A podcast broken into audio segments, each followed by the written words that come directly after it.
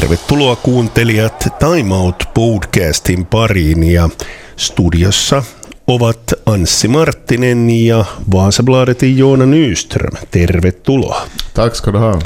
Pidettiin pieni tauko sairaslomien takia, mutta nyt ollaan jälleen, no ei nyt ihan täydesteräs, mutta melkein.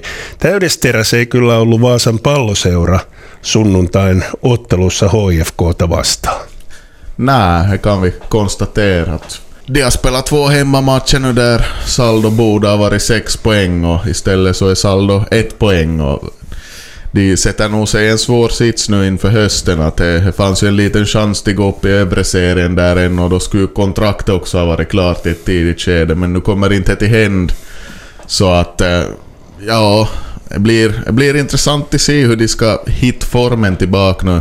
Då de ska på riktigt börja kämpa som seriekontrakt. Att jag tror ju inte att HIFK jumbon kommer till kliva upp från jumbopositionen. Det ser nu inte riktigt så ut, men han är kvalplatsen så ligger nog där och hotar. Det är många poäng bort inte.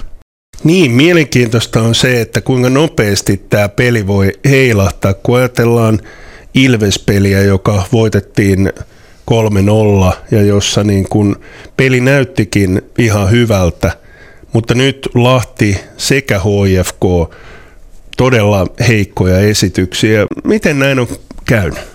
Svårt i sig, jättesvårt i sig. Att det Lahti spelar väldigt, väldigt defensivt betonat, täta ihop och satsa på kontringar. Och nu hade ju IFK lite samma spel också här på söndagskvällen. Och det är ju inte så lätt att gå in i såna matcher, det måste man ju komma ihåg.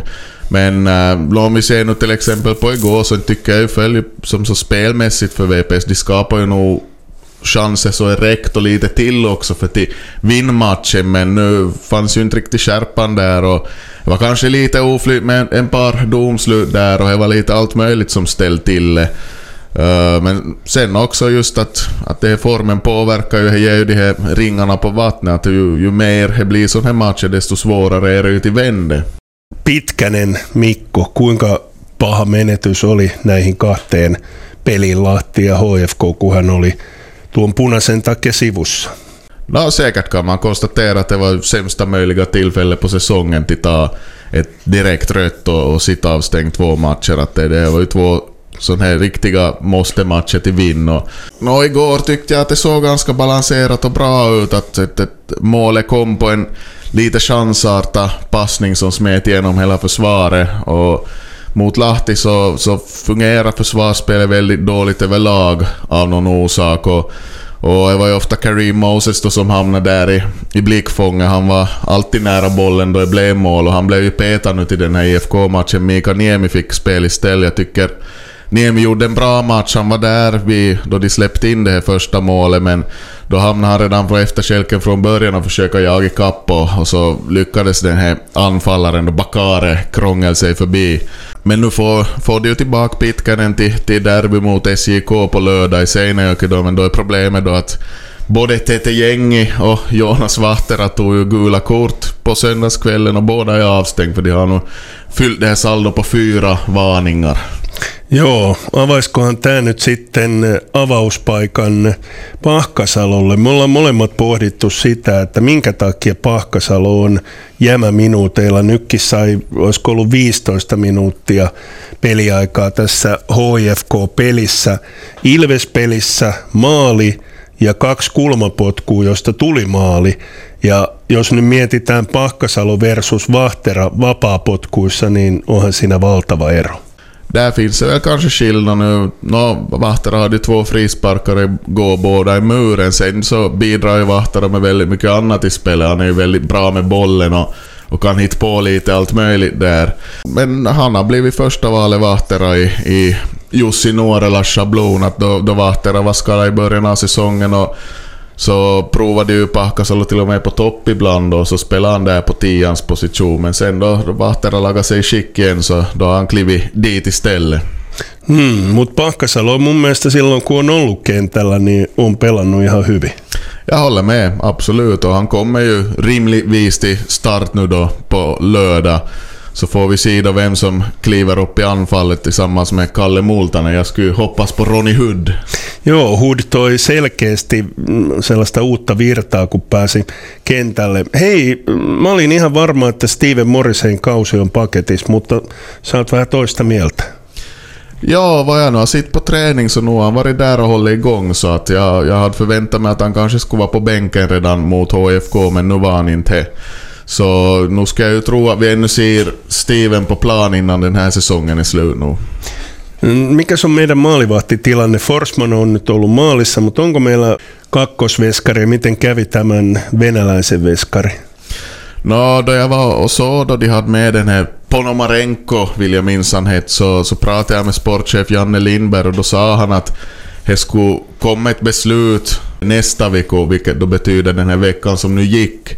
Men det har ju inte kommit något beslut och igår var ju junioren då Antti Latvakivisto var reservmålvakt. Så det verkar ju som att de inte då plockar in den här ryska målvakten. Och då får vi ju se då att enligt Lindberg så fanns det andra alternativ som man lite har kartlagt. Och rimligtvis borde vi ju få någon, någon, någon sorts besked småningom för att de, de behöver ju nog ha en reservmålvakt där. Sitten puhutaan vielä Lui Murillosta, joka on pelannut nyt kaksi ottelua Vaasan palloseuran riveissä. Ja kun ilmoitus tuli tästä sopimuksesta, niin ainakin omasta mielestäni yksi kaikkien aikojen kovimmista vahvistuksista ennakkoon ajateltuna. Mutta onko hän täyttänyt ne saappaat, isot saappaat, mitä häneltä odotettiin? Inte ännu. Att eh, fysiskt verkar han nog vara helt bra skick men spelmässigt så har det ju varit rostigt. Att man, man såg här i första matchen mot Lahti då han debuterade, man såg mot IFK att lite är det spelrytmen och sådär när det blir lite så här konstiga passningar lite sådär att han har inte riktigt kommit in i ännu. Man ser ju potentialen han har liksom. Han är ju väldigt, väldigt gärna far framåt direkt. Rycker upp i anfallet längs med kanten och han var ju med och, och för ett mål mot, mot Lahti så att nu borde jag som börja hända saker där mer och bara bli lite säkrare är det att nu igår så bytte ju VPS i 70 minuten, tog ut Murillo då och då flyttade Jesper Engström ut som vänster wingback och han överglänste ju nog Murillo då de sista 20. Han gjorde väldigt mycket bra där på kanten just tillsammans med Ronny Hood och, och så gjorde han ju mål också Engström, säsongens första. Att han är kanske inte någon notorisk målskytt på det viset är det, är det målet hans kom i ett viktigt skede får man väl säga. Mm. Jepestä ollaan myös puhuttu aika paljon. Me odotettiin varmaan paljon paljon enemmän Engströmistä tällä kaudella. Pelaako hän väärää paikkaa? Pitäisikö hänen olla kuitenkin tuolla enemmän niin kuin laidassa kuin puolustajana? Nå, igår så såg jag ut som att det är precis så det borde kanske vara. Fungerar väldigt bra där ute, ute på kanten och, och han har ju spelat där på kanten förr och då han var i Inter så spelade han ju också ofta där ute på kanten. Så Klart, han har ju, han har ju rutinen och så det, så man förstår ju att, att han går till, att de gärna använder han som mittback också. Men nu blir det ju intressant i sidan då. Mikko Pitkänen kommer tillbaka då för då har du Juhani Pikkarainen naturligare platser till vänster där i trebackslinjen. Att, va, hur ser backlinjen ut då på lördag? Kuuntelet Time Out podcastia. Studiossa Anssi Marttinen ja Vaasabladetin Joona Nyström. Paljon puhuttiin jalkapallosta, mutta puhutaan nyt vielä vähän lisää jalkapallosta. Sähän käyt myöskin alasarjan peleissä ja nyt on mielenkiintoinen viikko tulossa täällä Pohjanmaalla, kun puhutaan näistä alemmista sarjoista.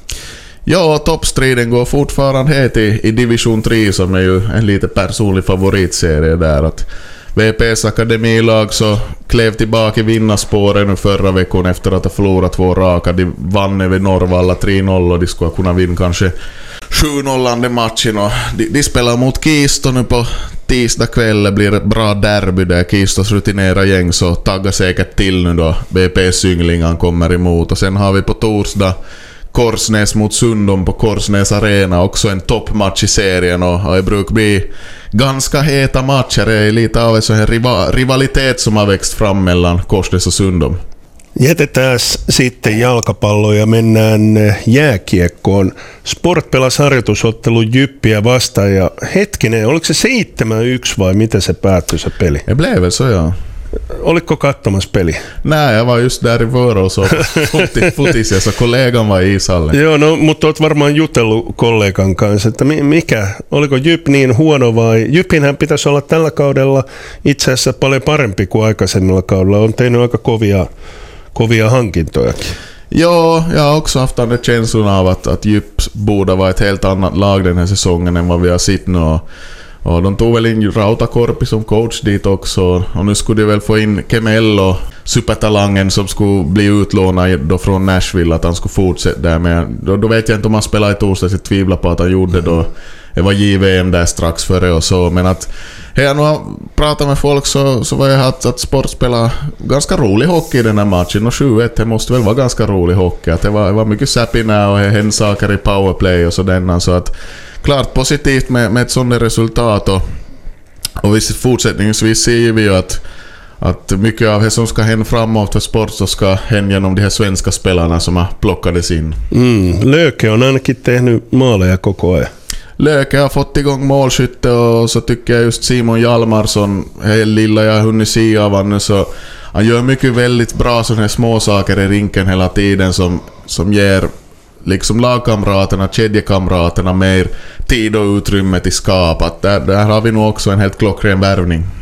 Puhutaan sitten lyhyesti naisten MM-kisoista. Suomi on saanut turpiin sekä Kanadalta että USAlta ja kun tätä ohjelmaa tehdään, niin me ei tiedetä vielä tuota Japanin peliä, mutta Susanna Tapani mieluummin meni kaveri häihin, kun pelasi ottelun. Nakertaako tämä naisjääkiekkoasema? Säkert gör det. Uh, jag tycker till att börja med så ska man gå tillbaka till första början med det här och, och lite kritisera hela upplägget, hela internationella ishockeyförbundets tanke med det här VM. Att nu spelades ju JVM här eftersom de måste avbryta i vintras på grund av covid i, i Kanada. Men eh, damernas VM har inte blivit flyttat utan det var inbokat här. De, de hade också att de hade flyttat till sommaren i fjol men i år skulle jag kunna spela på någon bättre tidpunkt. Jag tycker inte att VM ska spelas i augusti före säsong för de flesta spelare. Eh, det är inte på något vis gynnsamt för någon att de spelar då, så förkortar det förstås för de som har ledigt över sommaren då. Så det är många saker som ställer till det. Sen har vi det upplägget då i gruppspelet, att de är fyra bäst rankade nationerna dit Finland har hört i sedan stenåldern nu känns det som. Så de spelar bara av gruppspelet förstås. De spelar ju om till slip direkt till semifinal, men det är ingen som trillar bort därifrån. Så det lite vattnar ju ur det här gruppspelet och för att antagande är ju alltid att USA och Kanada är direkt i semifinal och så gör resten upp om vad som blir kvar. Så med, med han premissen då, om man tänker här till så tycker jag inte att det känns så farligt om en spelare, nå låt vara att det är Finlands första center, missar en match. En match som ändå en budgeterad förlust nästan i det här skedet. Att det är ju sak samma om Finland klarar av Kanada och USA i det här gruppspelet just. De ska ju klara av de utslagsmatcherna sedan. Om det ska bli någonting annat än den sedvanliga bronspengen. No jos jääkiekoskin mentäisiin samaan kuin yleisurheilussa, eli kun oli yleisurheilu EM-kisat, niin siellähän näillä lyhyillä matkoilla pääsi rankingin perusteella suoraan välieriin. Eli jos pistettäisikin USA ja Kanada lätkässäkin naisten lätkäs suoraan välieriin. Så gör de väl kanske i ring 1 ännu. Brukar inte vara så att Finland och Kanada spelar direkt VM. Nej, men in, jag, jag tycker ju nog om, om man ser till exempel på fotboll. Inte, inte sker ju sånt här där någonsin. Du har ju en världsrankning där men inte slipper ju Belgien och Argentina, Brasilien, Frankrike någonstans direkt någonting. Utan de spelar alltid enligt samma upplägg. Och jag begriper inte varför man skulle kunna göra det i ishockey. Och klart är att nivåskillnaden är kanske ännu, ännu mycket större bland damerna, eller de är ju det. Men spel ändå. Jag menar de här svagare nationerna så de behöver ju känna av det tempo och gärna regelbundet så kanske de skulle kunna ha en chans att komma närmare någon gång. Men om de aldrig ens har han chansen utan de spelar sinsemellan i en grupp mot ännu svagare lag, så vem hjälper det? Ja. frågar. Mm, Sitten puhutaan yleisurheilusta, koska viime viikolla jouduttiin jättämään tämä ohjelma väliin, niin ei silloin päästy EM-kisoja makustelemaan niin sanotusti. Kyllähän toi Suomen menestys mut ainakin yllätti. ja, jag satt och tänkt på det någon dag där man får nog kryp till korsen och då man tyckte att det kanske blir en medalj i EM och så blev det fyra istället. Så att jättebra. Joo, ja periaatteessa siellä oli vielä naisten moukari esimerkiksi, ja jos Viivi Lehikoinen olisi juossut normijuoksun, niin hän olisi ottanut pronssia. Ja, ja. Och jag tycker just det, man ser, no Lassi Etelätalo första exemplet, han hamnade under press i spjutfinalen men han klarar ändå av till kast sig förbi Veseli där med femte kastet och, och ta sin medalj. Och, och Camilla Rickardsson som har haft jättesvårt i alla internationella mästerskapen har ställt upp i. Nu klaffar för hon också. Hon presterar bra, kom in i topp 10. Så att eh, mitt i allt så, så ser det ut som att Finland är på väg framåt igen i friidrotten. Mm. Och jag hade väl också Kajsa Bergqvist nu, som hon är väl någon sorts ledare inom svenska förbundet nu för tiden, så hade väl konstaterat att, att Sverige får se upp nu i, i den här landskampen som kommer till helgen. Mm, paitsi että tuo Suomi-Ruotsi maaottelu, niin sieltä valitettavasti on poissa ainakin Duplantis, mutta sitten ei tiedä, että toipuuko esimerkiksi Raitanen kuntoon ja Samma sak med Rickardsson då. Nu hade Oliver Helander sagt att han kommer inte att kasta något spjut i, i landskampen. Så att vi borde väl få den här truppen nu idag eller imorgon kanske. Så det blir intressant att se vilka namn vi har på pappret. Mulla on semmoinen muistikuva, että suomalaiset yleisurheilijat on tainnut kirjoittaa jonkun tämmöisen sopimuksen, että esimerkiksi Kalevan kisoissa ja Ruotsin maattelussa on oltava, jos terveys vaan sen salli. Ja, och de, de marknadsförde ju nog landskampen hårt just i, i FM också. De fick ju de här plaketterna där det stod att nu far vi vidare till landskampen. Så, och är klart, speciellt nu då, då landskampen avgörs i Finland så gör de väl allt de kan för att få dit precis alla som nu står på benen och klarar av att vara med. Sitten loppuu vielä koripallosta. Olihan toi aika mahtavaa, että Susijengi jo nyt varmisti paikkansa MM-kisoista. Kuinka paljon se on se ansiota? Mycket. I en, I en sport som basket, det kanske inte syns lika tydligt i Europa, men om man kikar på, på NBA då och, och ser på vad en individ innebär för vissa lag där så helt klart att Finland är ett helt annat lag då Lauri Markkanen är med och Lauri Markkanen har, han hade ju en trög start i NBA, Chicago Bulls blixtrade till nu och då men sen då han hade blivit tradad till Cleveland Cavaliers där så har det hela tiden gått uppåt för honom. Man har sett att han har tagit en, en stadigare, tryggare roll i laget och presterat jämnare. Så att han är, han är fortfar, fortfarande på väg uppåt och det fick vi en smak av här i, i det här kvalen. Var, han hade ju över 40 poäng i någon match och hur det nu var. Så att nu vet jag inte vilken, när det är VM, men man ska väl få anta att Markkanen får vara med där och... Mm. EM-kisathan taitaa alkaa jo tällä viikolla. Eresoja ei hade Joo. ingen koll på. Joo, näin mä muistelen, että alkaa. Mutta hei, me jännitetään tällä viikolla muun muassa paikallisderbyä SIK ja VPS välillä. Joona, olisiko yksi pistekin ihan hyvä saavutus Seinäjoelta? No, om inte jag nu missminner mig helt så, så brukar vi, eller har VPS tagit mer poäng mot SIK i Seinäjoki än vad de har gjort i Vasa så här genom åren, så att potentialen finns väl där. Niin, muutenkin tuntuu, että vieraissa menee paremmin, eli siirretäänkö ne kaikki loppupelit tonne vieraskentille? Ja, no kanske nu ändå inte, men ja, no, nu tror jag nog, nu ska nog VPS kun utmana SJK ordentligt nu och minst den här matchen i våras var ju väldigt, väldigt jämn. Ett mål blev avgörande där. Sen har ju förstås SJK förstärkt ganska mycket, och, som de brukar göra, så att vidöppet tycker jag. Inte tycker jag liksom att SJK på det viset ska, ska hållas som någon klar förhandsfavorit. Men å andra sidan då så nämnde vi ju här att VPS har bort viktiga spelare så det blir, blir intressant att se hur de hanterar det. Tässä oli tämänkertainen Time Out Podcast. Joona Nyström, kiitoksia. Tack, tack.